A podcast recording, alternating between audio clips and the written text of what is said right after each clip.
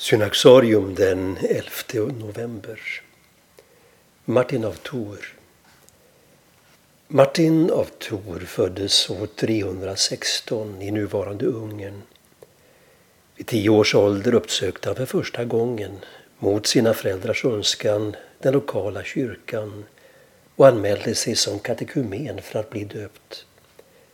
Men 15 år gammal blev han av sin far sänd till den romerska armén och placerades som kavallerist i Frankrike. Där inträffade en händelse som kom att prägla Martins liv. Han befann sig vid stadsporten när en illa klädd tiggare kom fram till honom. Impulsivt drog Martin sitt svärd, skar sin uniformsmantel i två delar och svepte hälften om den frysande mannen. Samma natt såg han i en dröm Jesus klädd i den halva mantel han gett bort. Och Herren sa till sina änglar Här är Martin, den odöpte romerske soldaten som förbarmade sig över mig. När Martin vaknade var hans mantel hel igen. Martin lät snart döpa sig. Men år 336, när han var 20 år, inträffade en kris. Gallerna anföll och Martins arméavdelning fick order om att gå till motangrepp. Efter att ha sökt Guds ledning kom Martin fram till att han inte kunde bära vapen längre. Jag är Kristi soldat och kan inte slåss. Han fängslades och anklagades för feghet. Martin svarade med att erbjuda sig att gå obeväpnad mot fienden framför den egna stridslinjen Befälhavaren gick inte med på förslaget utan gav Martin avsked ur armén. Martin återvände hem och fick bland annat leda sin mor till tro.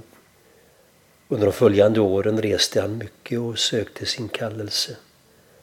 Slutligen kom han återigen till Frankrike. Där blev han lärjung åt biskop Hilarius av Poitiers. År 371 kallades han till biskop i Tours. Martin ville dock inte ta på sig uppdraget utan gömde sig bland några gäss för att undkomma. Men gässen började kackla och avslöjade honom. Det lär ha skett den 11 november. Som biskop och en kyrkans tjänare var Martin känd och älskad för sin barmhärtighet mot de fattiga. Den 8 november 397 dog han och begravdes tre dagar senare i Tor. Vid den tiden firade kyrkan en 40 dagar lång fasta inför jul så som man ännu gör i ortodox tradition. Eftersom fastan började vid tiden för Martins död kom den att efter honom få namnet Martinsfastan. Kvällen innan fastans inledning firade man Martinsdagen och åt då gott, ofta med gås på menyn med tanke på den roll gässen spelat i hans upphöjelse till biskop. Det lever kvar än idag i Skåne och delar av Tyskland i den folkliga fest under senhösten som kallas Mårten Gås då gässen ännu får sona för att de avslöjade den helige Martin.